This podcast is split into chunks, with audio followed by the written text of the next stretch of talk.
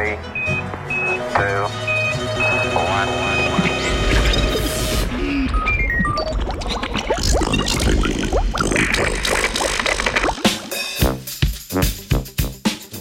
Dobro jutro, drago poslušalstvo na Radio Student. Da vas, že, da vas napademo že kar tako izjutraj, povemo, da bomo govorili v znanstvenem Britofu o Marčesu, natančneje o čebelah brez cvetov.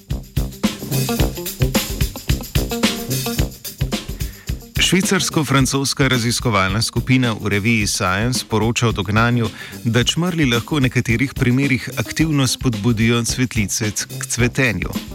Čmrli so odvisni od cvetočih rastlin, te pa se s pomočjo teh žuželk, ki prenašajo njihov cvetni prah, razmnožujejo.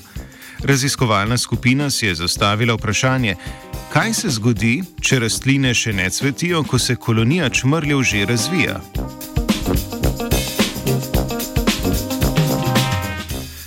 Več različnimi eksperimenti v laboratoriju in na polnaravnem okolju so kolonije čmrljev izpostavili rastlinam, polnim cvetov in še ne cvetočim rastlinam.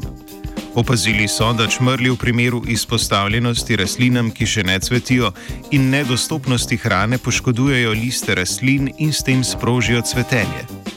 Te zelo majhne poškodbe listov naredijo čmrlji v nekaj sekundah, a zaradi njih lahko rastline zacvetijo tudi 30 dni prej kot rastline, ki niso bile izpostavljene čebelam, ki bi lahko poškodovale njihove liste.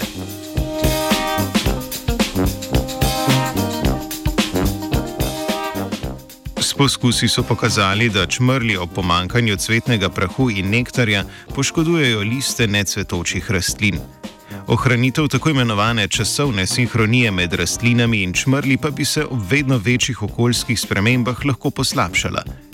A dejstvo, da čmrli aktivno spodbujajo lokalno cvetenje rastlin in s tem vplivajo na večjo količino hrane, je spodbudno za nepredvidljivo okoljsko prihodnost.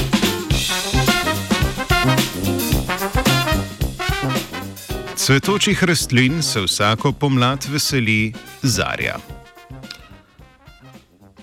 Maček piše na mizi, maček piše v moji glavi. In skrajnica je edina to, da vam izjavim dobro jutro.